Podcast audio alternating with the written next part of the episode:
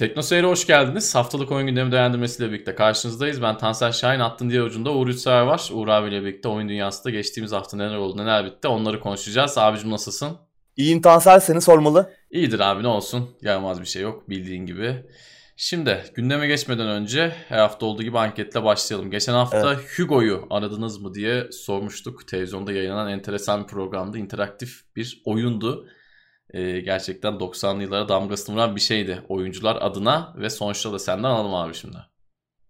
Aradınız mı diye sormuştuk Hugo'yu. %20'si izleyicilerimizin aramış sadece. %80'i ise aramamış. Bana biraz düşük geldi arayanların evet. oranı. Evet bana da öyle geldi. Sonradan da aklıma geldi aslında. Belli bir yaş altı için Hugo hiç yok. Yani belli bir Doğru. yaş altı Hugo'ya hiç yetişememiştir. Yani bugün 22-23 yaşında olan biri Hugo'yu muhtemelen zamanında arama şansına erişememiştir. Bizi izleyenlerden de büyük bir kısım bu kitleye dahildir diye düşünüyorum. Yani %20'lik %30'luk kısımda bu yaşlarda olsa oradan biraz elendi ama buna rağmen bana yine biraz az geldi. Demek ki herkes aramamış bizim kadar evet. e, ihtiraslı değilmiş abi. Hugo'ya katılıp işte... milyonların önünde oynayabilmek için düşüremeyiz diye düşünmüş olanlar da olabilir. Çünkü gerçekten evet. zordu yani. Hatta hı hı. biz hiç düşüremedik zaten. Hatta sormuştuk eğer bir anınız varsa eğer bağlanıp oynayabildiyseniz yorumlarda paylaşın diye. Öyle bir yorum da göremedim ben. Kimse oynayamamış da. Hı hı. Ee, ama başka oyunların da olduğunu hatırlattılar bize. Ben zaten geçen hafta Dinozorus'tan bahsetmiştim. Gerçi kimin sunduğunu hatırlayamamıştım. Sağ olsun bir izleyicimiz hatırlatmış. Çiçek Dilligil sunuyordu o e, yarışma programını. O da orada da böyle bu hani bu dönemin meşhur Endless Runner'ları var ya yani durmadan Hı-hı. koşar bir karakter. Mobil oyunlarda daha çok görürüz bunu. Bir karakter koşar işte engelleri aş- aştırırsınız siz ona tuşlarla. Ona benzeyen bir oyundu. Arkadan dinozorlar gelirdi işte Ezer Geçerus, Tükürükus falan böyle. Enteresan bir oyundu. Ee, o vardı. Başka oyunlar futbol oyunu falan vardı. Geçen hafta yine konuştuğumuz gibi araba yarışları falan. Bu Street Fighter falan bile vardı aslında. Bunlar tabii daha sonra çıkmıştı. Hugo'dan. Hugo bunların öncüsü gibi diyebiliriz. Bu televizyonda telefon üzerinden oynanan e, oyunların, o programların. Güzeldi. Geçen hafta konuştuk. Belki bir gün Tolga abi de e, konuk ederiz diye. Umarım olur. Ona da e, şeyi sormak evet. isterim. Bu şu küfür olayı gerçekten yaşandı mı? Gerçi kendisine de yüzlerce kez soruldu bu soruyu ve hepsinde e, bunu reddetti ama Yok ben konuk şey edersek onu sormayalım ya yani. değil mi? Değil mi? Evet. O çok şey olur. Ee, evet. Çok klasik bir soru olur artık. Belki de yayını falan terk etmesin. Ee, bunu almıştır çünkü o sorular ama ben şey hatırlıyorum ya o dönem lisedeydim muhtemelen ama insanların konuştuğunu hatırlıyorum sanki veya daha sonra acaba aklım bana bir oyun oynamaya mı başladı onu da bilmiyorum. Belki o olay hiç yaşanmadı ve ben böyle bir anı geliştirdim. Hani ben bizzat izlemedim ama o dönemde konuşulduğunu hatırlıyorum. Programın yapımcısı Bilmiyorum. bu konuyla ilgili bir tweet atmıştı. Alfa Manas'tı. Yanlış hatırlamıyorsam eğer ismini yanlış hatırlıyorsam izleyicilerimiz düzeltir. O olay yaşandı diyordu ama e, tabii o, o zaman bir kaseti muhtemelen e, gidip kanaldan aldığın zaman tüm arşiv silinmiş öyle. Şimdiki gibi internette her şey kayıt altında değil ama o programları e, televizyondan kaydedebilmek o yıllar yine sanıldığı kadar zor değildi. Kasete çekim yapılabiliyordu. Tabii, Bence tabii. Türkiye'de bir yerde vardır eğer öyle bir şey olduysa yani e, bu coğrafyamızda bir ya da iki evin içinde belki onun kaydı vardır. Çünkü ben de hatırlıyorum eskiden televizyondan bir şeyleri kayıt ediyorduk. Hugo'yu kaydetmiyorduk tabii ama bir şeyler kaydediliyordu. Yani bilmiyorum. Eğer olduysa kayıt birinde vardır ki programın yapımcısı oldu dedi. Evet. Bilmiyorum. Ya olsa da çıkardı aslında ortaya ama bugüne kadar bilmiyorum ya. Evet. Biri belki de öyle arada kaynayan bir olay oldu. Belki de gerçekten yaşanmadı ve biri bunu ortaya attı. Ve öyle yayıldı. E, şey vardır. Işte, askerliğini yapanlar bilir. E, biri mesela bir yalan söyler. E, o yalan sonra dönüp dolaşıp kendisine geldiği zaman sen inanırsın o yalana. çok çok garip vardır. Yani bunun da ger gerçi psikolojide de bir ismi var ama şimdi aklıma gelmiyor. Cevdet Acarsoy bilir. Muhtemelen. ona benzer bir olay da olabilir yani. Mesela işte çarşılar kilitlendi diye bir şey uydurur biri. Sonra kendisi de o yalana inanır. Ee, öyle bir olay da olabilir. Ama güzel zamanlardı yani artık o şeyi tabii anılarımızda yaşatıyoruz o günleri. Evet. Ama gerçekten Tolga abiyle bir gündem yapmak isterim yani. Acaba oyunu endüstrisini takip ediyor mu? Muhtemelen ediyordur. Ee, çünkü kendisi bu işlerle de ilgili bildiğim kadarıyla hani uzaktan da olsa çok içinde Hı-hı. olmasa da bir galiba Amerika'da bir ajans bünyesinde veya kendi şirketi e, bünyesinde çalışıyor. Orada yaşıyor diye biliyorum ben Amerika'da yaşıyor. Evet. Öyle. İlk maddeyle gündeme başlayalım abi. PlayStation 5'in merakla beklenen etkinliği 4 Haziran'da gerçekleştirecek. Evet, bir saat civarı sürecek bir online etkinlik duyurdular. Bizim de bir planımız var. Perşembe günü e, bir canlı yayın yapma planımız var. E, bu etkinlik saat 23'te başlayacak Türkiye saatiyle. Belki bir saat öncesinde biz de toplanıp hem yeni nesil oyunlarla alakalı beklentilerimizi paylaşırız. Daha sonra yayını beraber takip ederiz. E, bizi takip edin Teknoseyir hesabını işte Twitter'dan, Instagram'dan, Facebook'tan, sosyal medya hesapları üzerinden bunun duyurusu yapılır mutlaka. Zaten bir e, söylenti vardı Mayıs sonunda, Haziran başında bir etkinlik olacak diye böylece gerçek olmuş oldu. E, doğru çıkmış oldu bu söylentiler. Etkinliğin PlayStation 5 oyunlarına odaklanacağı söyleniyor. Yani yine e, merakla beklediğimiz konsolu göremeyebiliriz. Sony tabii bu konuda e, eleştirilerin hedefinde çünkü henüz bir şey göstermediler. Sadece kontrolcüyü gördük, konsolu göremedik ama Xbox cephesinde konsolu gördük. E, hatta konsol birçok büyük e, basın e, organına gönderildi. Onlar içini açtılar, e, soğutucusuna baktılar. Hatta çiplerin detayına kadar indiler, en ince detayına kadar. Konsol irdelendi, incelendi. Ama Sony tarafında e, henüz bir şey yok, göremedik. E tabii yarın görsek hayatımızda bir şey değişecek mi? Değişmeyecek muhtemelen. Ben oyunların çok daha önemli olduğunu, içeriğin çok daha önemli olduğunu düşünüyorum ama e, sonuçta yani bir gün alacağız, getireceğiz, kuracağız ve belki bir sorun çıkana kadar belki 5 sene bir daha yanına bile gitmeyeceğimiz plastik bir kutudan bahsediyoruz günün sonunda. Ama yine de sanki artık bir göstermeleri gerekiyor konsolu ucundan da olsa. Ki Sony pek bunu sevmiyor. E, muhtemelen bunun için ayrı bir etkinlik de yapabilir onu bilmiyorum ama belki fiyatın fiyatın da e, açıklandık. Yani ben bu etkinlikte fiyatın açıklanacağını pek düşünmüyorum. Bunun için muhtemelen konsol üreticileri birbirlerini bekliyorlar. Hı hı. E, kim ne yapacak? Bir önceki nesilde olduğu gibi o fiyat konusu bu sefer biraz biraz daha şey e, karışık. Çünkü geçen jenerasyonda PlayStation e, Xbox'a bir 100 dolarlık gol atmıştı. Bu sefer e, Xbox bunu tersine çevirmeye çalışabilir. O yüzden fiyatı öğrenmemize daha var ama konsolu artık bir görelim diyorum ben. E, her ne kadar bunun çok bir şey değiştirmeyeceğini düşünsem de en azından insanların eleştirileri biraz durulsun.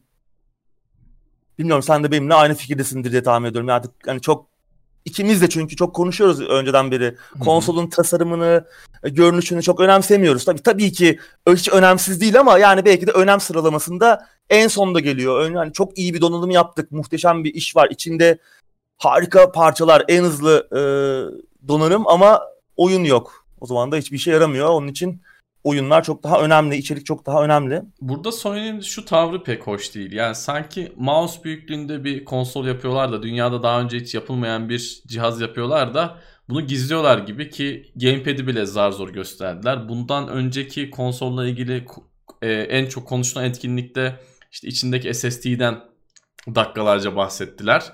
Şimdi 4 Haziran'daki etkinlikte göstermezlerse veya şu ucundan birazcık gösterirlerse de yine bence bu gıcık tavıra e, devam ediyor olacaklar. Ben bunu çok sevmiyorum. Yani Xbox cephesi, Microsoft cephesi 6 ay önceden konsolun şeklini, şemalini, gamepad'ini gösterdi. Senin de söylediğin gibi kimi basın kuruluşlarına gönderdi. Adamlar içini açıp işte soğutma sistemine kadar baktılar. Yani hani bu konudaki tüm kartlarını oynadı. Yani Sony ne yapıyor olabilir ki? Yani evet. çok küçük bir cihaz yapmıyorsa eğer bir mouse kadar bir oyun konsolu yapmıyorsa ya bunda çok fazla saklanılacak, çok fazla böyle son dakika gösterecek bir şey olduğunu da ben pek sanmıyorum. Evet, umarım küçük bir şey de yapmıyorlardır bu arada.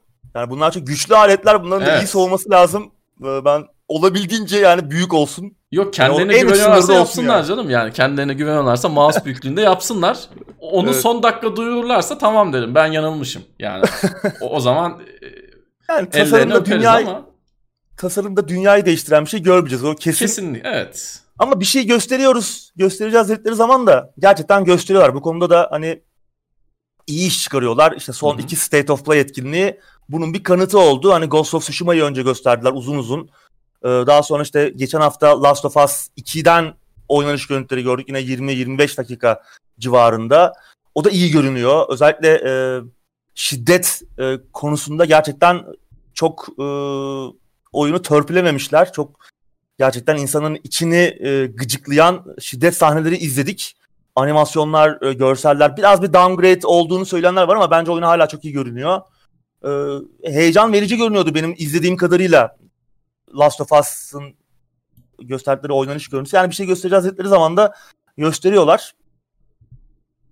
Bakalım umarım doyurucu olur bu önümüzdeki etkinlikte yani hayal kırıklığına uğramayız biliyorsun son Microsoft etkinliğinde e, Inside Xbox'ta çok büyük hayal kırıklığı olmuştu. Hiçbir şey göremedik neredeyse yani böyle birer dakikalık e, kısa oyun fragmanları ki genelde Xbox'ın zaten Microsoft'un E3 sunumları da hep böyle geçiyordu. Arka arkaya eklenmiş oyun fragmanları şeklinde. Genelde Sony'de bir şeyleri daha uzun uzun göstermeyi, anlatarak göstermeyi e, seven bir taraf var. O yüzden hani aslında bu süreci daha iyi yönetiyorlar e, Microsoft'a göre. Yani bir beklenti yaratıyorlar ama biraz da bunun da ipin ucunu kaçırmamak lazım. Artık hani bir şeyleri de göstermeleri gerekiyor. O döneme girdik çünkü. Yavaş yavaş insanların kafasında ne satın alacağını, neyi beklediğini de e, şekillenmesi lazım. Bir imaj oluşması lazım. Bakalım umarım iyi bir etkinlik yapmışlardır. Perşembe günü göreceğiz. Evet inşallah umarım, gösterirler. Bakalım. Umarım bizi üzmezler. Bu haberi yine paralel olarak Sony ile ilgili bir haberden daha devam ediyoruz. Sony'nin PlayStation 5 oyunlarını PlayStation 4'e uyumlu yapma gibi bir planı yokmuş abi. Evet Sony'nin PlayStation departmanının CEO'su yani icra kurulu başkanı Jim Ryan böyle bir şey açıkladı. PlayStation 5 oyunlarını PlayStation 4'e uyumlu yapma gibi bir planımız yok dedi. Biliyorsun Xbox cephesinde 2 yıl bir e, birinci parti oyunlar Xbox One'a da gelecek. Yani işte Halo Infinite çıkacak mesela. Xbox Series X ile beraber bu oyun Xbox One'a da gelecek. Keza işte bu iki yıl içerisinde çıkacak diğer tüm birinci parti oyunlar Xbox One'a gelecek. Ama görünüşe bakılırsa Sony'nin buradaki planı, stratejisi farklı. Ee, yani anladığımız kadarıyla bunun tam bir keskin bir jenerasyon geçişi olmasını istiyorlar. Jim Ryan hani e, yaptığımız, tasarladığımız yeni oyunları PlayStation 5'in gücüne e, ortaya masaya koyacağı yeni özelliklere göre tasarladıklarını söylemiş. Yani tabii hak veriyorum bir konuda. Hani ilerleyebilmek için de bir noktada eskiyi, eski teknolojiyi geride bırakmak lazım. Bu hani sadece oyunlar, oyun konsolları için değil, hayatın hemen hemen her alanı için geçerli bir şey. Ama bakalım PlayStation 5'in duyurulacak oyunları bu iddianın altını doldurabilecek mi? Önemli evet. olan bu. Yani gerçekten işte e, o güçlü donanımın bize getireceği, masaya koyacağı yeni özellikler, yeni işte e, şeylerle farklı oyun deneyimleri, daha taze, daha yeni şeyler görebilecek miyiz yoksa sadece Assassin's Creed Valhalla daha iyi görünüp daha mı hızlı yüklenecek? Yani umarım ikincisi olmaz sadece. Yani biz yeni bir şeyler de görmek istiyoruz. Gerçekten yeni neslin hani bir yeni nesle geçtiğimizi, bir sıçrayışı hissedebileceğimiz oyunlar görürüz. Ee, bakalım. Evet. Çünkü yani donanım demin de dedik hani donanım iyi güzel ama içerik her şey. Yani hani content is king diye bir kavram var. İçerik her şey. Umarım hani sadece yeni nesle PlayStation 5 satmak için insanları düşünülmüş bir şey değildir. Bu gerçekten altını dolduran oyunlar görürüz. Ya evet gerçekten de bu oyun PlayStation 4'te olmazdı, yapılamazdı deriz. Bakalım. Burada şunu söylemek lazım. Şimdi oyuncular bu olayı zaten sonsuza kadar istemiyorlar ki. Yani hani PlayStation 5 evet. ölene kadar da aynı oyunları 4'e çıkanın gibi bir istek herhalde kimse de yoktur. Bunun olmayacağını evet. zaten insanlar biliyordur. Ama yani Microsoft'un yaptığı gibi en azından bir yıl, iki yıl en azından ilk çıkan 3 oyun, 5 oyun gibi bir limit belirleyip PlayStation 4'çüleri de hemen üzmeselerdi bence daha iyi olurdu. Yani Sony bu konularda bundan çok kıl aldırmıyor ve bu ortaya sundukları sebep ya da bahane diyelim. Bunun ne olduğunu çok yakında öğreneceğiz. Göreceğiz. Gerçekten bir sebep mi, gerçekten bir bahane mi? Yani gerçekten PlayStation 4 Pro'da oynayamayacağımız bir oyun. Yani sadece görsellik anlamında değil, bize yaptırdıkları anlamında da oynayamayacağımız bir oyun varsa o zaman tabii ki bu söylediklerini anlarız ama yani herhalde böyle bir şey olsa yani bu kadar önde olsalar Microsoft da herhalde böyle bir şey yapardı ya. Yani Şimdi Microsoft'un evet. oyunlarıyla Sony'nin oyunları iyidir kötüdür. Onu seviyorsunuzdur, bunu seviyorsunuzdur. O, o kısımlar tamamen farklı ama yani Sony'nin yaptığı bir oyun teknoloji olarak Microsoft'un şu oyunundan işte 20 yıl ileride, 2 yıl ileride falan diyemiyoruz. Hani oyunu seversiniz, sevmezsiniz o ayrı Doğru. ama yani çok çok da önde götürdükleri böyle acayip yaptıkları, kimsenin yapamadıkları bir şey yok. Yani bu bilmiyorum. Bu, bu bana biraz yine Sony bu jenerasyonda da huysuz çocuğu oynayacak gibi Geliyor. Bakalım evet, göreceğiz. Yani umarım işte altını doldururlar. Onu da perşembe günü göreceğiz. Çünkü açılan evet. ilk oyunlarda bunun şovunu yapmak zorundalar.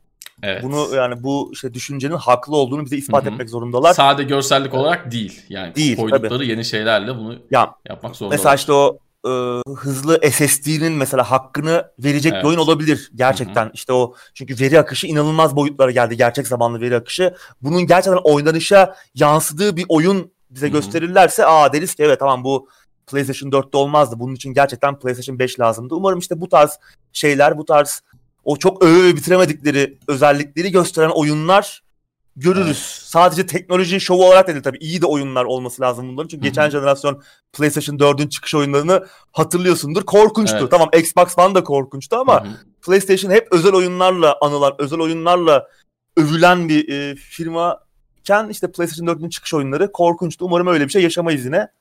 Tabii geri uyumluluk konusunu hep konuşuyoruz. Daha önce de konuştuk. Yani PlayStation 5 4'e geri uyumlu olacak. Hatta Sony geçtiğimiz hafta bir açıklama yaptı.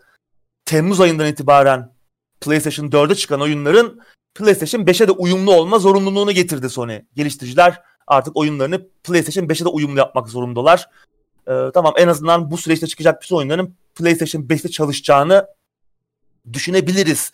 Ki geriye dönük olarak da bir 100 oyunu belirlemişlerdi. En çok oynanan, en popüler PlayStation 4 oyunlarını. Bunların da çıkışta PlayStation 5'in hazır olacağını biliyoruz. Hı hı. Bu sayı daha da artacağını da biliyoruz. Mike açıklamıştı. Oyunları test ediyoruz çünkü şu an hani bir büyük bir sıçrayış var diyordu ve bazı oyunlar e, yeni bizim geliştirme kitimizle yeni konsola aktarıldığı zaman işte bazı stabilite sorunları, bazı gariplikler olabiliyor. Bunların da elden geçirilmesi lazım diyordu. Yani bu sayı artacak. PlayStation 5 belki her oyunu değil ama en azından birkaç bin PlayStation 4 oyununu çalıştıracak zaman içerisinde. Ama asıl soru şu tekrar satın almamız gerekecek mi? Evet. Bu önemli bir şey çünkü Xbox tarafında birçok oyun açıkladı işte Assassin's Creed Valhalla'dan Cyberpunk 2077'ye kadar bu oyunları hı hı. Xbox One için aldığımız zaman e, Series X için tekrar almamız gerekmeyecek. PlayStation cephesinde bence e, verilmesi gereken cevap bu. Bunun da cevabını belki işte Perşembe günü alacağız. Bence bu önemli. Evet. Bakalım göreceğiz. Umarım. Perşembe Umarım. günü etkinlik umarım dolu olur. Bazı kafamızdaki soru işaretleri gider ve sonraki haftalarda konuştuğumuz zaman bunlardan yola çıkarak artık daha net, daha keskin tahminler yapabiliriz biz de burada. Evet. Ben artık bunları konuşmak istemiyorum yani. Şurada 3-5 ay kaldı yeni konsollara. Daha ee, hala hani spekülasyon hani... yürütüyoruz. Şöyle mi olur, böyle mi olur? Evet. Bunların cevabını almamız lazım. Bakalım evet. bir saat civarı, bir saatin de biraz üzerinde olacakmış.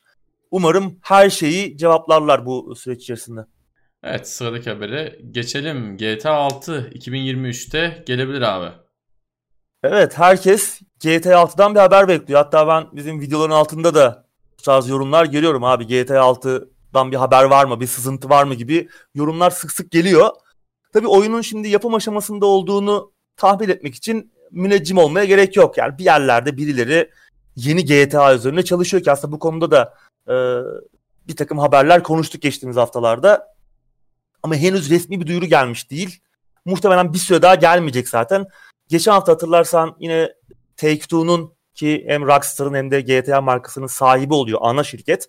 Take-Two'nun 5 yıl içerisinde 93 tane oyun yayınlayacağını konuşmuştuk. E bunlardan birinin de GTA 6 olabileceğini dile getirmiştik. Geçtiğimiz haftada Take-Two yatırımcılar için oldukça detaylı bir mali rapor, yıllık rapor yayınladı. Bu raporda ki bir detay GTA 6'nın çıkış penceresi hakkında bize bir ipucu veriyor olabilir. Zira 1 Nisan 2023 ile Mart 2024 mali yıl yani 2024 mali yılı için öngörülen reklam bütçesi yaklaşık 89.2 milyon 90 milyon dolar gibi bir şey yaklaşık. Ama önceki ve sonraki yıllar için öngörülen reklam bütçesi 40 milyon dolar, civarı. Hatta bu daha sonra 35 milyon dolara düşüyor. Yani bu e, Mart 2023 ve Nisan 2023 ve Mart 2024 sürecinde dramatik bir reklam bütçesi var. Çok yüksek bir reklam bütçesi var. E Take-Two'nun da elindeki en büyük marka, en büyük oyun markası GTA. Bu da bize GTA'nın acaba bu dönemde mi çıkacak sorularını getiriyor aklınıza. Bilmiyorum sen ne düşünüyorsun? Evet şimdi ben e, geçtiğimiz aylarda bir hesap yapmıştım. Tabii ki kendimce herhangi bir bilimsel veriye dayanarak değil ama RDR'nin çıkışı, önceki oyunların çıkış tarihleri, GTA 5 falan derken en erken 2022-2023 gibi bir tahminde bulunmuştum. kendi yaptığım bir tahmin tabii ama zaten daha önceden gelmesi için şu an elimizde yeterli bilgi yok. Yani oyun 2020'de zaten çıkmayacak. 21'de de çıkmayacak ki şu an 20'de çıkacak. 2021'de çıkacak olsak bir şeyler görmüş olurduk. 22'de de muhtemelen çıkmayacak gibi. 2023 gibi ben de tam o yıllarda tahmin ediyorum. Burada aslında e, dikkat edilmesi gereken bir diğer konu şimdi yeni nesil konsollardan bahsediyoruz. Önceki jenerasyonda insanların evine bu konsolların girmesinin en büyük sebeplerinden bir tanesi GTA 5'ti. Şimdi Xbox One e, Xbox cephesinde de PlayStation cephesinde de artık bu tarz ateşleyici bir çıkış oyunu yok. Tamam kendi oyunları var. Kendi ceplerinden çıkaracakları bazı özel ekskluzif oyunlar var ama bir GTA 5'leri yok. Bu da çok oyun değiştirici bir hamle olacak. Yani konsollar çıkacak. Neredeyse 2 sene sonra, 2,5 sene sonra en erken tabii bu da. En erken ihtimalle. Yeni bir GTA çıkacak ki insanlar belki oyunda çok haşır neşir olmayan insanlar bile konsolları alıp GTA'yı oynayacaklar. O kadar da önemli bir oyun. Ama bence de yani 2023'te önce gelmesi için şu an herhangi bir bulgu elimizde yok. Evet ki elimizdeki en büyük ipucu da bu reklam bütçesi yani e, 90 milyon daha sonra bunun 40 milyon düşüyor olması evet. e, buradaki bu yükselişin nedeninin GTA olduğunu bize düşündürüyor ki GTA 5'in de yanlış hatırlamıyorsam 40-50 milyon dolar bu tanıtımını falan harcanmıştı. Yani işte bütün bunlar aslında bize bence GTA 6'nın çıkış penceresini gösteriyor gibi yani ben artık hani buna bir nevi yüksek ihtimal olarak bakıyorum. Hani bir söylenti veya bir e, şey değil, bir olasılık değil, büyük artık bayağı yüksek bir ihtimal. Elimizde artık Düşük bu bir, kadar somut evet. bir veri var. Evet bu yani bu bayağı ciddi bir şey çünkü. Hı-hı. Hani Take-Two'nun elinde bu kadar yüksek reklam bütçesini gerektirecek başka bir iş yok. Başka bir reklam birkaç oyunun bir araya gelmesi lazım. Hani 5-6 tane başka oyun duyurmaları lazım o dönemde. Ee, bel, bu ölçekte AAA ölçeğinde. Yani GTA öyle bir oyun çünkü. Belki mafya yaptığı gibi böyle GTA'ların remake'leri 3 ya umarım öyle bir şey olmazdır. Andreas remake falan. Gerçi San Andreas remake çıksa ne olacağı da belli değil şimdi yani. San Andreas remake çıksa bilmiyorum tekrardan ya Rockstar onu yapmaz.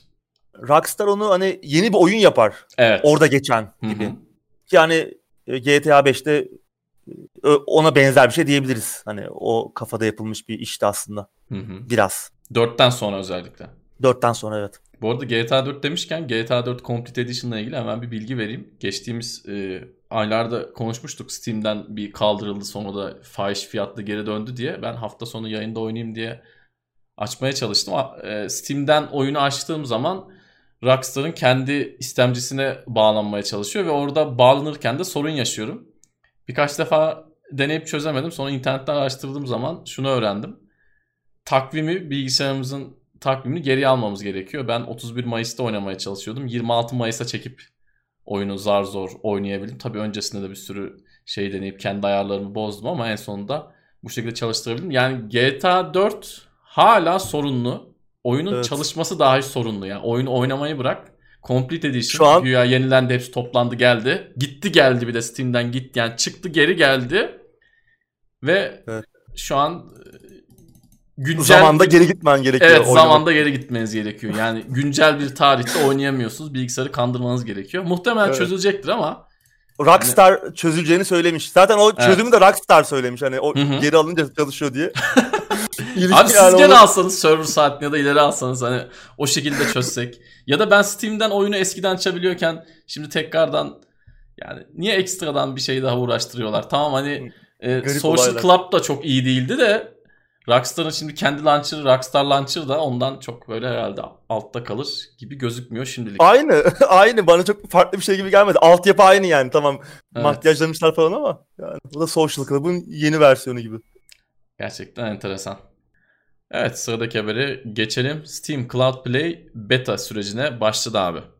Evet hatırlarsan geçen yıl böyle bir şey gelebileceğini konuşmuştuk. Steam Database ekibi Steam kodlarında Steam Cloud Gaming adında bir güncelleme bulmuştu. Hatta tam da o dönem Google Stadia'nın çok konuşulduğu bir dönemdi. Biz de acaba Valve ve Steam Google'a rakip mi olacak bu konuda diye konuşmuştuk. Aslında bu konuyu uzun uzun değerlendirmiştik o dönemde. Geçen hafta da Steam Cloud Play adında kısmen gerçeğe dönüştü bu durum. Tabii en azından şu an için buna Steam'in kendi buluttan oyun oynatma hizmeti diyemeyiz. Şu an tamamen Nvidia'nın GeForce Now e, hizmetiyle, Nvidia'nın kendi buluttan oyun oynatma hizmetiyle entegrasyon sağlayan, tam entegrasyon sağlayan bir arayüz e, olarak çalışıyor. Bir yandan oyunları e, Steam'de olan şirketler için, firmalar, stüdyolar, geliştiriciler için GeForce Now kütüphanesine daha kolay katılabilme imkanı sunarken oyuncular için de hani Steam istemcisi üzerinden oynamak istedikleri oyunu seçerek direkt GeForce Now'a bağlanma kolaylığını sağlıyor.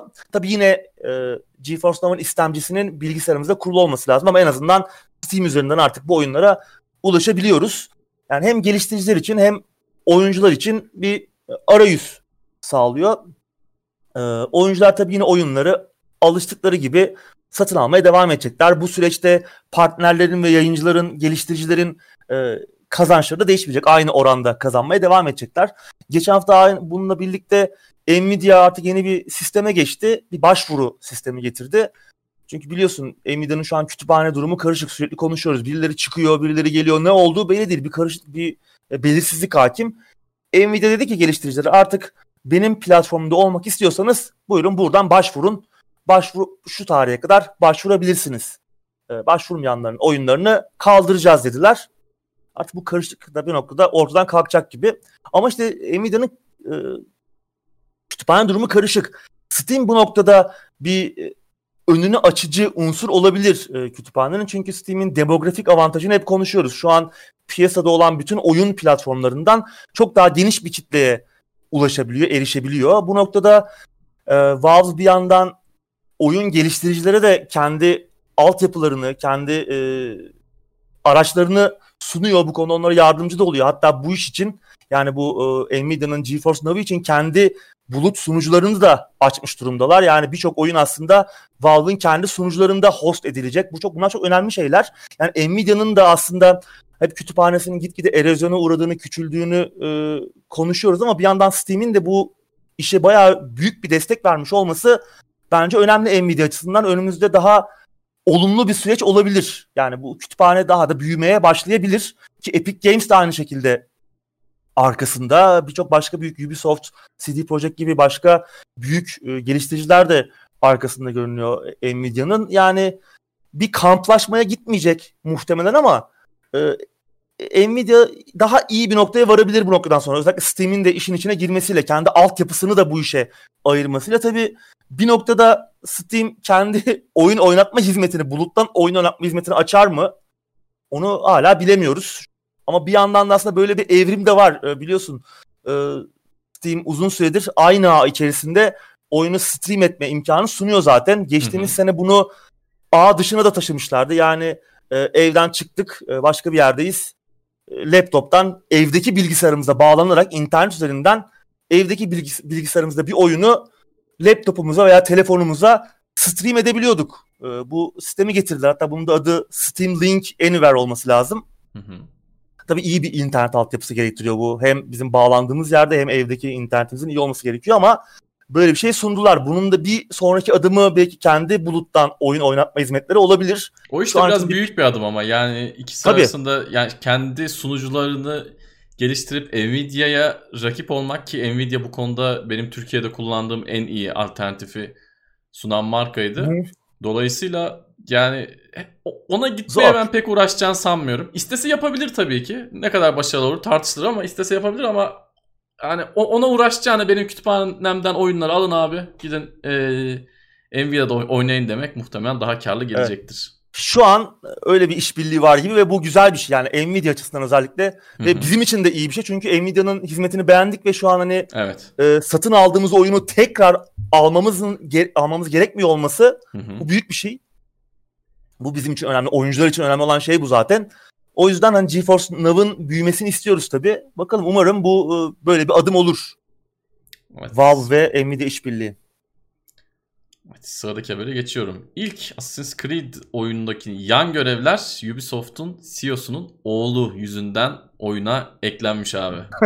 Enteresan bir evet, haber. Bu enteresan bir haber. Yani muhtemelen e, Ubisoft'un hani o günden sonra oyunlarına eklediği böyle birbirinin aynısı içerikler var ya o işte. Tamam bir yandan bir terapi gibidir o. Hani yaparsın ama neden yaptığını pek sorgulamazsın. Eğlencelidir çünkü o oynanış döngüsü ama bir yandan da hep aynı şeyleri yapıyorsundur. Galiba onun da e, yaratıcısı bu küçük arkadaş olmuş. Tabii o zaman kaç yaşındaydı bilmiyoruz. Bu 13-14 yıl önceki olay. Hı hı. Ee, Belki de 25 Eski... yaşında adam canım yani. Onu ha, tabii. bilemiyoruz yani. Belki profesyonel bir fikir verdi. Şimdi tüm hafta boyunca haberin detaylarından e, daha bahsetmedik ama tüm hafta boyunca insanlar bu çocuğa kötü sözler söyledi internet ortamında ama belki senin benim gibi oyunlardan anlayan bir arkadaştı. Ya bu böyle olmaz. Böyle satmaz kardeşim dedi. Yanına şeyi koyun dedi. Ya artı bu yan görevlerin Assassin's Creed biri ben pek hatırlamıyorum. Dürüst olmak gerekirse yan görevlerini de hatırlamıyorum. İyi miydi kötü müydü bunları da hatırlamıyorum ama oyuna belki olumlu bir etkisi oldu yani. Bunları ya, tabii bilmek çok çok çok zor. Çoğunluğun isteğine bakarsak aslında başarılı olmuş görünüyor. Çünkü insanlar e, oyun süresi artsın istiyor. Ne yaptıkları Hı-hı. pek önemli değil. Yani işte Assassin's Creed Odyssey'de Odyssey. atıyorum 500 tane karargah var ve Hı-hı. 500 karargahın hepsini tek tek basmak Hepsinde aynı şeyleri yapmak, işte aynı adamları öldürmek, aynı sonuçlarla karşılaşmak. İnsanlar bunu çok kafaya takmıyor. Sadece o oynanış döngüsü onları rahatlatıyor. Bir terapi gibi geliyor belki. Aslında çoğunluğun isteğine bakınca başarısız diyemeyiz yani bu fikre. Hı hı, kesinlikle. Şimdi eski Ubisoft çalışanı Charles Randall e, Twitter'dan açıkladı bu durumu, anlattı. O dönem tabii onlar için e, korku filmlerini andıran bir dönem olmuş. Hı hı. Ee, ilk oyundaki yan içerikler böyle rastgele suikast hedefleri vardı. Bir de bir bayrak toplama yan görevi vardı. Çok çok çok anlamlı olmayan. Neden olduğunu çok düşünmüştüm o, o, dönemde. Demek ki bu yüzdenmiş. Hatta onun da sonuncusu son bayrağı toplayamazsın çünkü bug'lıydı. Sonra muhtemelen düzeltmişlerdir ama e, öyle bir şey, görev vardı. İşte bunların e, sorumlusu o Ubisoft'un CEO'sunun oğluymuş. Yani oyunun final halini oynamış ve oyunu çok sıkıcı bulmuş ya. Bu oyunda yapacak hiçbir şey yok demiş başka hani oyunun hikayesini takip etmekten başka. Yan şeyler yok. Oyunu sıkıcı bulmuş e, ve oyunun çıkmasına da az bir süre varmış o dönemde. Yani oyun neredeyse fabrikaya basılmak için, disklere basılmak için, fabrikaya gitmek için hazır bekliyormuş. Beş günleri varmış sadece bu görevleri eklemek için. Bir araya gelmişler. Korkunç bir süreçte bu onlar için. Sürekli bir şeyler yapmaya çalışmışlar. Oyunu tabii kusursuz, baksız göndermek zorundalar. Yani bu 5 gün içerisinde bu yan görevleri ekleyip e, fabrikaya yollamışlar. E, korkunç bir durum yani onlar için. Zaten o, o dönemi anlatıyor işte çok hayatlarının en zorlu çalışma e, süreciydi muhtemelen. Tabii bugün geriye bakınca eğlenceli bir hatıra gibi duruyor belki onlar için. Onun için paylaşıyorlar. Hı-hı. Çünkü bir yandan da komik de bir tarafı da var aslında. Kendileri de evet. bunun farkında. Bunu da o yüzden paylaşıyorlar zaten. Ee, yani eğlenceli, kendini onların yerine koyunca bir yandan korkutucu bir durum.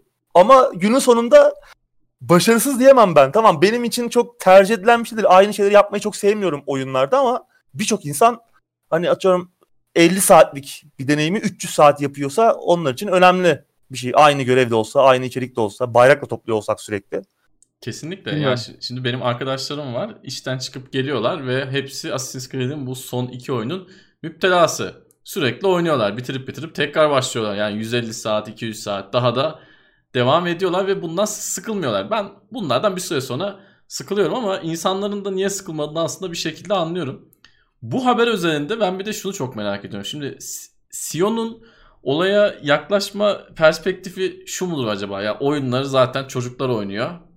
Yani çocuk sıkıldı oyun satmayacak gibi çocuğun dediğinde güvenmeli miyiz gibi mi düşündü yoksa başka bir profesyonel fikri mi vardı? Ya çok enteresan bir süreç. Ben bu olayı Sion'un ve Sion'un oğlundan bir dinlemek isterdim. Esas evet. o, o zaman e, ilgi çekici olacaktı ama işin bu tarafı da çok enteresanmış gerçekten. Sonuç olarak bence sonuç başarılı. Bence Sion'un aldığı karar doğru. Çok Kesinlikle. da e, enteresan bir haber yani. Bence 2020'nin en enteresan haberlerinden evet. biri oldu bu.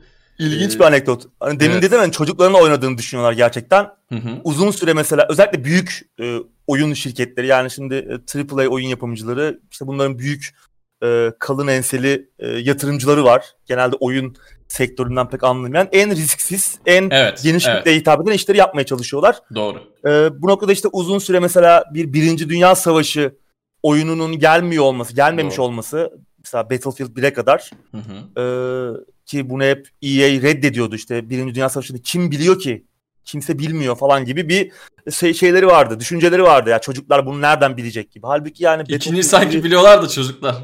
ha, hayır ha evet ki hani sanki sadece çocuklar oynuyormuş gibi. Yani algı evet. bu yönde işte veya işte Doğru. gördük geçen sene Respawn Respawn diyorum e, BioWare gibi bir şirketten bile biri çıktı dedi ki iki ta- insanların ikiden fazla e, karar verecek olmaları kafalarını karıştırabilir dedi işte Hı-hı. Anthem örneğinde. Anthem, evet. yani garip garip bir düşünceleri var böyle olabildiğince geniş kitle hitap etsin.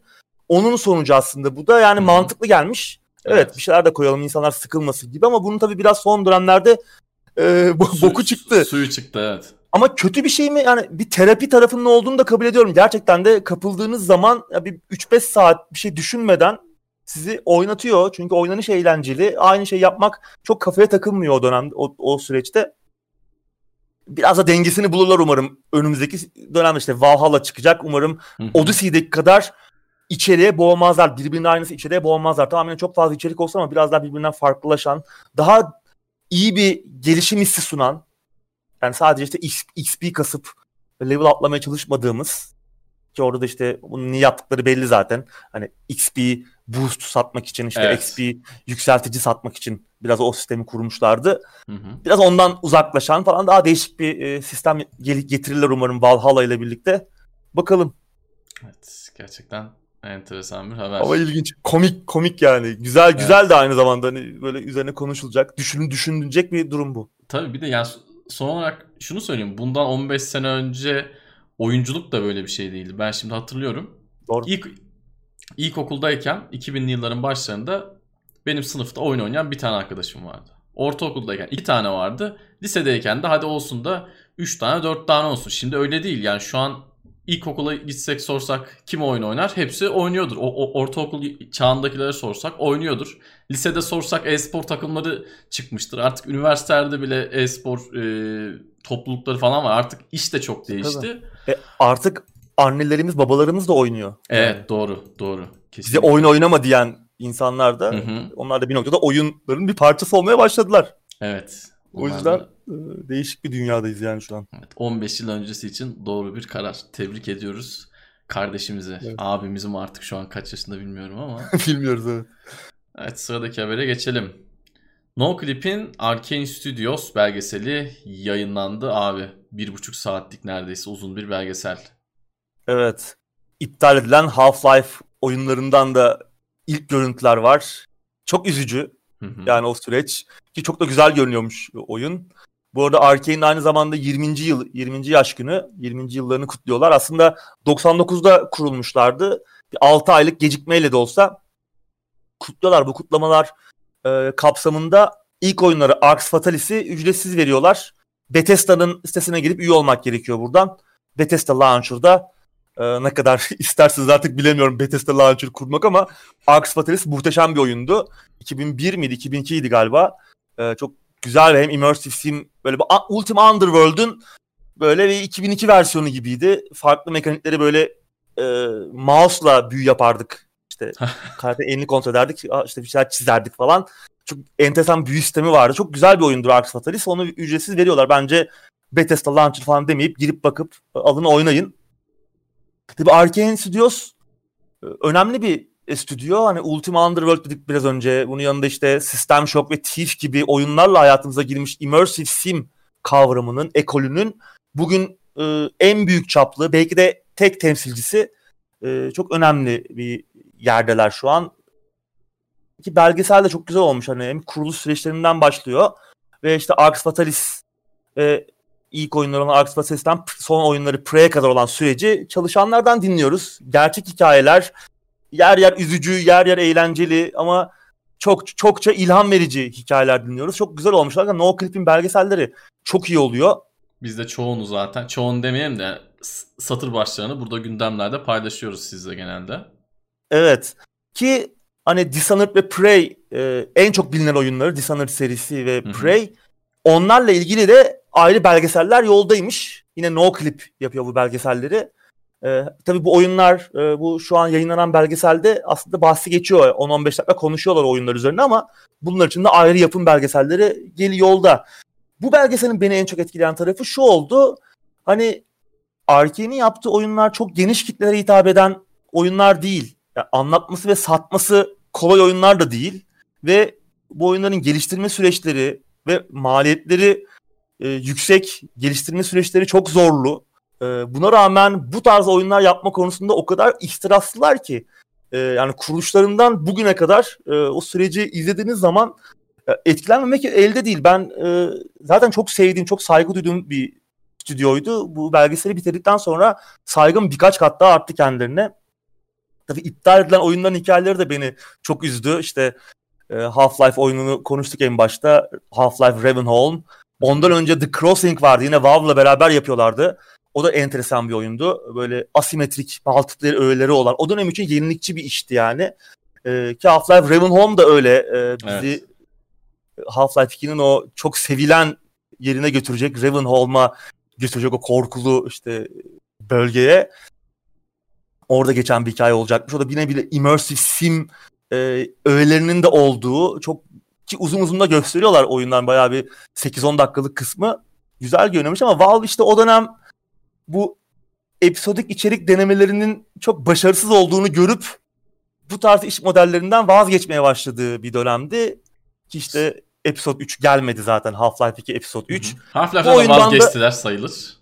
E, evet ya bu oyundan da o yüzden vazgeçmiş olabilirler. Yani satmayacağını düşünerek bu iş modelinden tamamen vazgeçmişler ve iptal etme kararı almışlar. Çok üzücü. Ee, EA ile birlikte yaptıkları bir oyun var ki Steven Spielberg de işin içinde. LMNO adında bir böyle klasik bir Steven Spielberg hikayesi aslında. Bir ajan rolünde hükümetin laboratuvarından bir uzaylı kaçırıyoruz.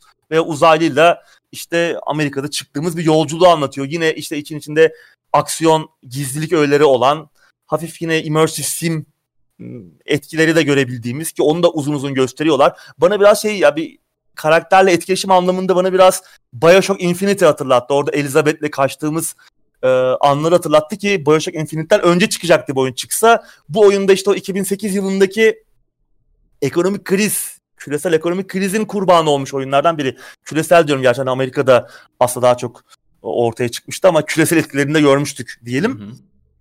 O dönemin e, şeylerinden biri oldu, kurbanlarından biri olmuş. Bu da üzücü ki yani Steven Spielberg gibi bir ismin de oyunda olması, hikayesini e, kendisini oluşturmuş olması falan büyük bir işti. Bu da gitmiş.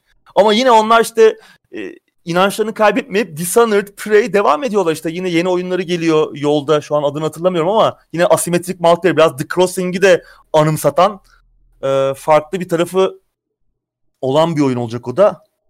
Yani tabii biz anlatmayalım. Anlattık bir türlü şeyi ama siz yine izleyin. Ee, spoiler güzel, vermeyin. Güzel, spoiler vermedik. Ee, gerçekten izleyin çok güzel bir belgesel olmuş. Ee, dediğim gibi yani hem eğlenceli hem biraz üzüntü verici.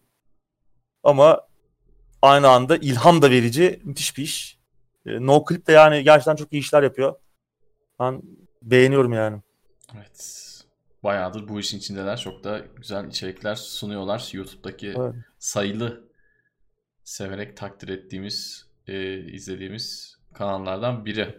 Ve ne yazık ki yeteri kadar çok izlenmiyorlar. Evet. Bunu evet. yani biz bir buçuk sene önce herhalde ilk konuşmuştuk Noclip'i. O zaman da aynı şeyi söylüyorduk abi hatırlayacaksın. Hı-hı. Subscribe sayıları evet. falan herhalde çok azdı. Şimdi de bence yine hak ettikleri değerin çok çok altındalar. Evet. Gerçekten üzücü. Evet sıradaki habere geçelim. Yeni nesil konsollar Platinum Games'in patronu pek etkilememiş gibi gözüküyor abi. evet. Atsushi Inaba Bayonetta, Vanquish ve Nier gibi nefis işlerden tanıdığımız Japon Platinum Games e, bir röportaj vermiş bir oyun sitesine yeni nesille alakalı ve e, yeni konsolların kendisini pek etkilemediğini söylemiş. Tabii ki çok negatif görünmek istemiyor. Ee, yani yeni nesille ilgili yapılan duyurular, gösterilen şeyler onu tabii ki mutlu etmiş, başarılı ve ilgi çekici buluyormuş ki bir geliştirici olarak daha iyi teknolojiyle, daha gelişmiş bir teknolojiyle çalışmaktan dolayı da mutluluk duyuyormuş ama genel olarak bunun yani tahmin edilebilir bir gelecek olduğunu söylüyor abimiz. Yani beklenmedik bir kalite sıçrayışı, büyük bir sürpriz olduğunu düşünmüyor yeni neslin. Yani işte bu görsel gelişmelerin aslında bu sürecin doğal bir parçası olduğunu düşünüyor. Hatta diyor ki ya duyurulara bakıyorum sonra bir dakika sonra Netflix'ten ne izlesem diye düşünmeye başlıyorum demiş. E, evet. ya Inaba'ya göre e, gerçekten insanın aklını başından alan bir sıçrayış SNES'ten PlayStation'a geçiş dönemiymiş ki aslında ben de bu e, düşüncesine katılıyorum. Aslında sürekli hep konuşuyoruz zaten. Son hatırladığımız büyük sıçrayış sanırım PlayStation 2 dönemiydi. Ondan sonra e, oyun tasarımlarında da fazla bir şey gelişmedi aslında. Tabii ki görsellik gelişiyor ama bu burada Inaba şunu demeye çalışıyor. Yani bu aslında teknolojik sürecin bir parçası. Teknoloji geliştikçe daha iyi görseller, daha iyi daha iyi görünen oyunlar, daha iyi çalışan oyunlar görüyoruz ama aslında bu oyunların özünü çok değiştirmiyor. Çok büyük sıçrayışlar görmüyoruz. Bunu demeye getiriyor anladığım kadarıyla. E, ben, biz de hep bunu konuşuyoruz zaten. Bir e, azalan faydalar kanunu Hı-hı. kaç kere konuştuk yani gündemlerde. Artık bunu iyiden iyi hissetmeye başladık tamam. E, 10 sene öncesine baktığımız zaman görseller çok gelişmiş ama oyunlar çok gelişmiş. Bugün hala işte PlayStation 2 döneminde hayatımıza giren oyun tasarımlarıyla e, büyük oranda e, o tarz tasarımlar, o, o dönem yeşillenen oyun fikirleriyle yapılan oyunları oynuyoruz hala. Hatta işte o dönem çıkan oyunların remake'lerinin remasterlarını yapıyorlar bugün. Yani aynı seriler evet. devam ediyor. Bir sürü aynı evet. seri devam ediyor. Aslında bunu demeye getirmişler. Çok büyük bir sıçrayış değil. Bu hayatın gelişmesi için normal bir e, şey. Çok da fazla hype'lanmamak, çok da fazla o hype trenini atlamamak lazım diyor. Yani çok da haksız diyemiyorum. En başta da konuştuk işte. Yeni nesil bize yeni deneyimler sunacak mı yoksa işte Assassin's Creed Valhalla daha mı hızlı yüklenecek? Tabii ki bu da büyük bir gelişme ama e, yani istediğimiz gelişme sadece bu mu? Sadece bu mu? Tamam bu da olacak. Zaten işte teknolojik gelişmenin bir parçası ama biz biraz da fikirlerin, yeni e, yaratıcı şeylerin de olmasını istiyoruz. Evet bağımsız oyunlar tarafında o taraftan güzel şeyler geliyor ama e, işte limitleyici bir şeyler de var. E, bunlar aşılacak mı acaba? Evet ya bütün bunların yanında oyun tasarımlarının yanında ben konsolların da aslında biraz daha fonksiyonlu hale gelmesini istiyorum. Şimdi PlayStation 2 dedik. PlayStation 2 ne yapabiliyordu? Müzik CD'si oynatabiliyordu. Oyun oynatabiliyordu. Bir de DVD oynatabiliyordu. Şimdi PlayStation 3'e geçtiğimiz zaman bu arada örneği PlayStation üzerinden vereceğim. PlayStation 3'e geçtiğimiz zaman iyi kötü uygulama indirip bir şeyler yapabiliyorduk. İnternet tarayıcısından yani iyi kötü bir siteleri görüntüleyebiliyorduk. İnternete girip oyun satın alabiliyorduk. Oyunları güncelleyebiliyorduk. İnternet artık hayatımızın bir parçası olmuştu. Hani multiplayer oyunlar artık hayatımızın bir parçası olmuştu. PlayStation 4 dönemine geçtik. Artık multitasking geldi. Oyunların yarısını indirip oyuna başlayabiliyorduk. Artık mağaza işi çok gelişti. Oradan işte YouTube'u, Twitch'i açıp bir şeyler izlemek çok daha sıradan hale geldi. Yani konsolun hayatımızdaki kullanım oranı oyun dışı olan etkinlikte de arttı. Bu Xbox cephesinde biraz daha fazlaydı. Tabi eğer Amerika'daysanız ilk başta içine gelen yani. uygulamalardan ötürü. Şimdi ben yeni jenerasyonda tamam yani elbette daha güzel oyun tasarımları bekliyorum. Bu arada abinin verdiği SNES'ten PlayStation 1'e geçiş örneği çok çok iyi bir örnek bence. Ben de çocukken o anı yaşayıp hakikaten kafayı yemiştim. Bir daha herhalde hayatımda o kadar şaşırdığım bir an herhalde olmamıştır. Çok küçük yaştaydım. Yani bu verdiği örnek burada aslında çok çok çok doğru. Şimdi e, yeni bize kafayı yedirtecek Türkiye'deysek eğer 8 bin 9 bin lira ödeyeceğimiz herhangi bir sebep şimdilik yok. Oyunlar tam hızlı açılacak. Tamam işlem güçleri biraz daha fazla olacak ama abinin dediği de çok doğru ki e, ben bu açıklamanın İngilizce kısmını buraya kopyala yapıştır yaptım kendi notlarım arasına. Eğer siz de açıklamayı İngilizcesini okursanız ki Uğur abi de gene mümkün olunca tabii anlattı ama abinin dediği şey aslında çok net. Çok da doğru olduğunu söylüyorum ben. Yani doğru olduğunu düşünüyorum ben. Valla keşke yeni özellikler görsek hayatımızdaki yerleri biraz daha fazla artsa. Ama bunlarla ilgili hiç söylenen bir şey yok. Şurada konsolların çıkmasına 6 ay kaldı. Ben önceki jenerasyon çıkmadan 6 ay önce söylenen bazı özellikler beni heyecanlandırmıştı. Şu an hızlı Doğru. yüklenme ve daha güzel grafikler dışında yani duyduğumuz çok fazla bir şey yok. Ya yani ben multitasking'e bile çok sevinmiştim yani. Çok sevinmiştim. Yani tamam.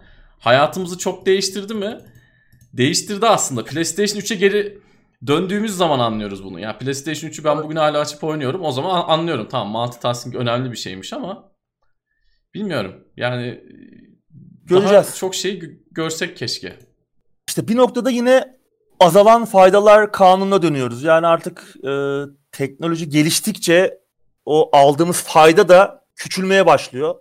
Bu belki de hayatın aslında bir gerçeği. Belki de bunu böyle kabullenmemiz gerekiyor. Artık belki de hiçbir zaman o e, Super NES'ten e, PlayStation'a geçiş dönemi veya işte PlayStation 2 dönemi gibi e, o sıçrayışları yaşayamayacağız. E, belki de artık sadece e, teknolojinin bizi açtığı yolla işte sadece görselleri iyileşecek. Belki bu birkaç e, oyun tasarımıyla alakalı bir şeyleri geliştirecek. Belki yapay zeka ile alak- alakalı iyileştirmeler göreceğiz. Gerçi kim hani hangi oyun geliştiricisi yapay zeka çok önemsiyor bilmiyorum ama belki daha yaşayan, daha nefes alan dünyalar göreceğiz. Ama bunlar hiçbir zaman e, işte o büyük sıçrayışlar gibi de hissettirmeyebilir. Bu da bizi belki de hayal kırıklığına itmemeli.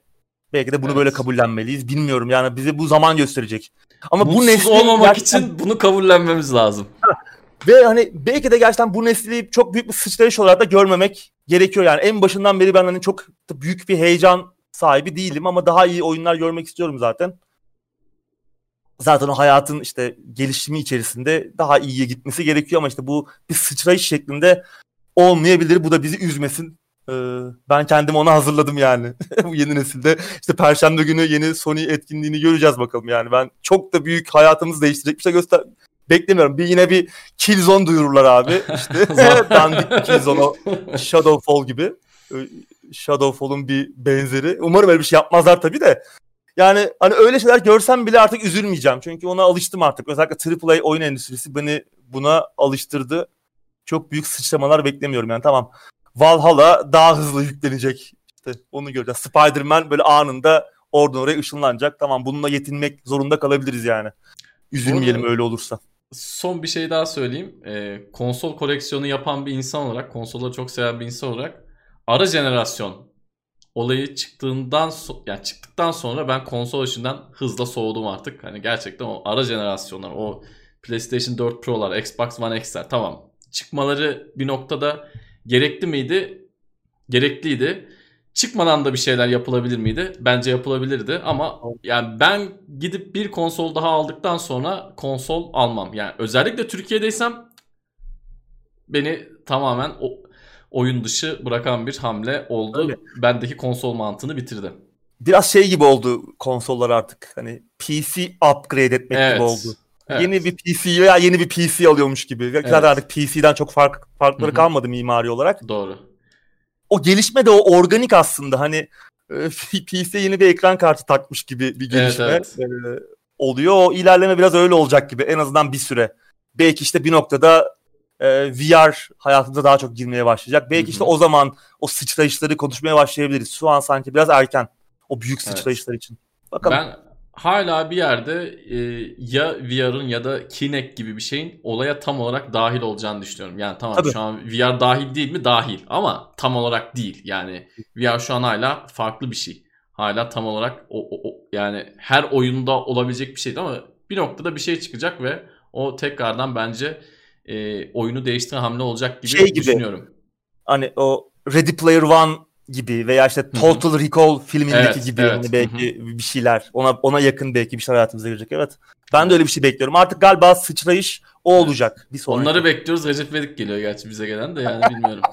yani bakalım göreceğiz. Bu arada bu haberin bir devamı da vardı. Bayonetta 3 iptal edilmedi evet. abi. Platinum Games evet. demişken. Switch için geliştiriyorlar biliyorsun. Ee, gösterdiler hani göstermediler daha duyurdular oyunu. Ee, bir şey göstermediler ondan sonra. Yıllar oldu. Tabii insanlar haliyle iptal mi edildi ne oldu diye sormaya başladılar. Hideki Kamiya oyunun yönetmeni ki hem Bayonetta'nın yaratıcısı hem Devil May Cry'ın falan da yaratıcısı abimiz. E, ünlü bir oyun tasarımcısı. Sevilen de e, sempatik de bir abi.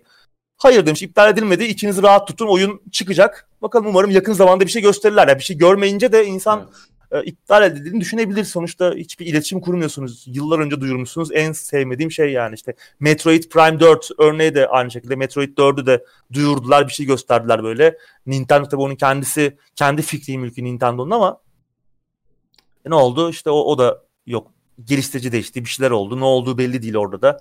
Bayonetta 3'te o da merakla beklenen oyunlardan biri ama bakalım umarım söyledikleri gibi yapılıyordur çok gönülleri ferahlatan bir açıklama gerçekten tebrik ediyorum. Evet ya ve... bir şey göster var değil mi? evet. Sıradaki habere geçiyorum. Hemen clickbait yapacağım. Borderlands'in film uyarlamasında şok Hollywood yıldızı oynayacak. Kim oynayacak abi senden alalım. Şok şok şok. Kate Blanchett oynayacak. İki Oscar'lı 3 altın küre yanılmıyorsam ve sayısız diğer birçok başka ödüle sahip ünlü aktris Kate Blanchett çok da seviyoruz ablamızı. O oynayacakmış. Tabii film projesi ilk olarak 2015'te duyurulmuştu ama daha sonra geçen yıla kadar hiçbir şey duyamadık. Geçen sene e, Eli Roth, Hostel ve e, başka ne filmleri vardı? Death Wish falan başarılı filmleri var. Abimizin Eli Roth yönetmen olarak dahil olmuştu projeye. Daha sonra filmin senaryosunu Chernobyl dizisinden tanıdığımız Craig Mazin'in yazacağını öğrendik ki Craig Mazin aynı zamanda Last of Us'ın dizi projesinde de e, senaristlerden biri olacak. Oyunun e, yazarı Neil Druckmann'la birlikte yazacak o filmin dizinin senaryosunu.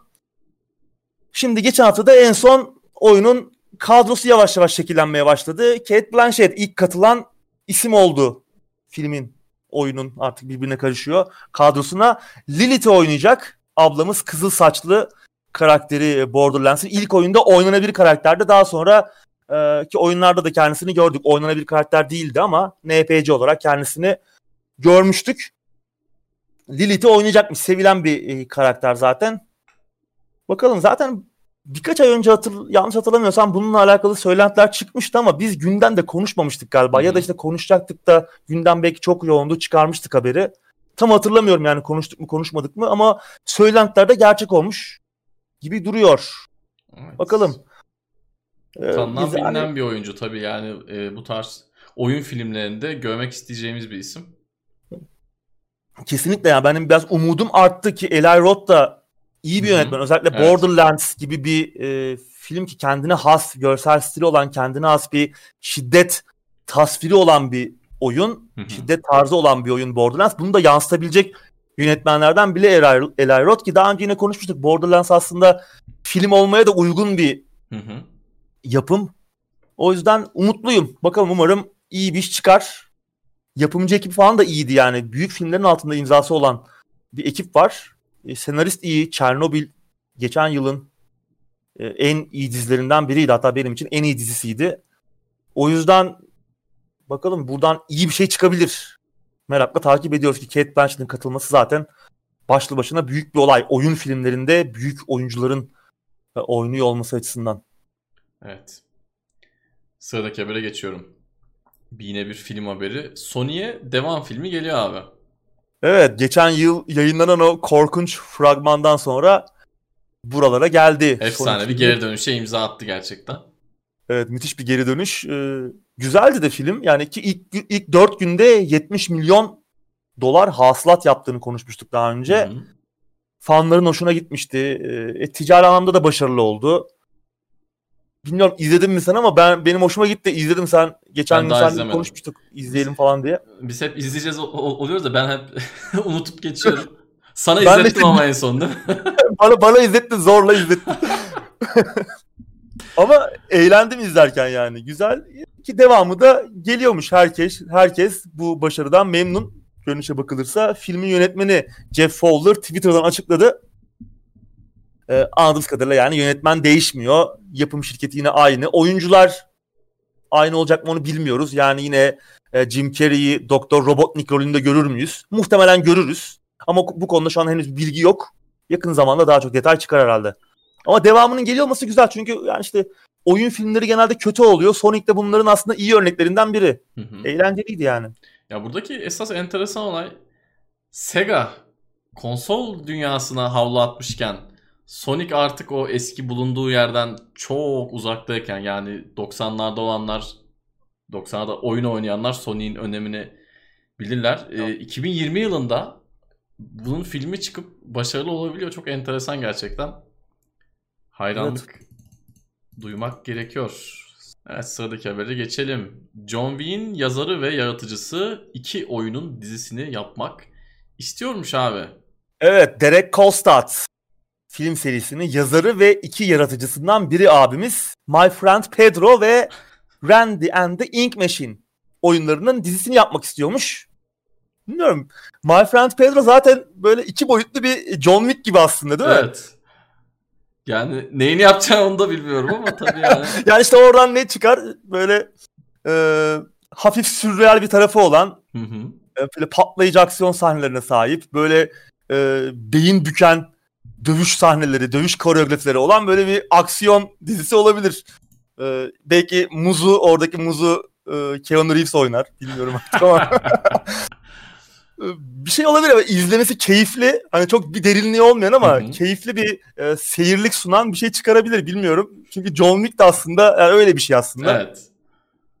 Bandy and the Ink Machine enteresan. O böyle bu çizgi filmlerin altın dönemiyle korku türünü bir araya getiren değişik bir oyun. First person bir e, içinde bulmaca öğeleri de olan bir korku oyunu. İşte görsel tarzı falan ilginç. O işte demin de dediğim gibi çizgi filmlerin altın çağı 30'lar 60'lar dönemi o dönemin görsellerini yansıtan oradaki işte o sevimli karakterlerin sevimli çizgi film karakterlerinin korku filmi karakterlerine dönüştüğü böyle bir e, dünyası olan ilginç bir yapım. Çok fazla bilinmeyen bir oyun ama yayıncılar çok fazla oynuyor. Ben ben de kendim oynamadım ama izlediğim kadarıyla konuşuyorum. İlginç görünüyor. Yani buradan da böyle enteresan bir görsel tarzı olan bir animasyon dizisi çıkabilir. Şimdi Derek Kolstad hani e, John Wick gibi bir işe imza atmışken bunlardan da bir şey çıkabilir gibi geliyor bana. Çünkü gerçekten bir seyirlik sunuyor. Bir derinliği var mı John Wick'in? Yok ama eğlenceli bir karakter de yarattı. Ee, ikonik de bir şeye doğru gidiyor aslında. Kült olma yolunda da ilerliyor. Ee, Seçimler de enteresan ya. yani. Abinin seçtiği oyunlar da çok enteresan. Evet. Bakalım. Belli olmaz. Bakalım tabii, tabii bir yani şey yok. Bir duyuru falan değil bunlar. Yapmak Hı-hı. istiyormuş sadece. Bu isteğini dile getirmiş. Olur mu olmaz mı göreceğiz. Bence ikisinden de bir şey çıkar yani. Evet bakalım. BlizzCon'da iptal edildi abi. Evet beklenen oldu zaten. Yapılmasını kimse beklemiyordu. Hı hı. Onun yerine şu an için bir online etkinlik düşünmüyorlarmış ama bir ihtimal 2021 başlarında bir online etkinlik yapabilirlermiş. İşte Diablo 2, Diablo 2 diyorum, Diablo 2 beni andı. Diablo 4, Overwatch 2 ve kimsenin beklemediği Diablo Immortal'ı belki o etkinlikte onlardan bir şeyler gösterirler. Ama bu yılı tamamen boş geçmiyorlar. 9 Haziran'da e, World of Warcraft'ın e, bu yıl çıkması planlanan eklenti paketi var Shadowlands isminde. Onunla ilgili mini bir etkinlik düzenleyeceklermiş. Mini bir yayın yapacaklarmış. Öyle. Bunun dışında bir şey yok bu yıl için Blizzard'dan. Evet zaten yani ertelenmesi, iptal edilmesi beklenen bir şeydi. Şu evet. ortamda, şu pandemi ortamında en mantıklı e, hamle bu gösterecek bir şeyleri de yok. Muhtemelen. E-spor, e-spor tarafında zaten çok iddialar mı bilmiyorum yani Overwatch'un e-spor cephesi nasıl gidiyor bilmiyorum ama yani çok da hani er- ertelendiği zaman dünya yıkılmıyordur muhtemelen.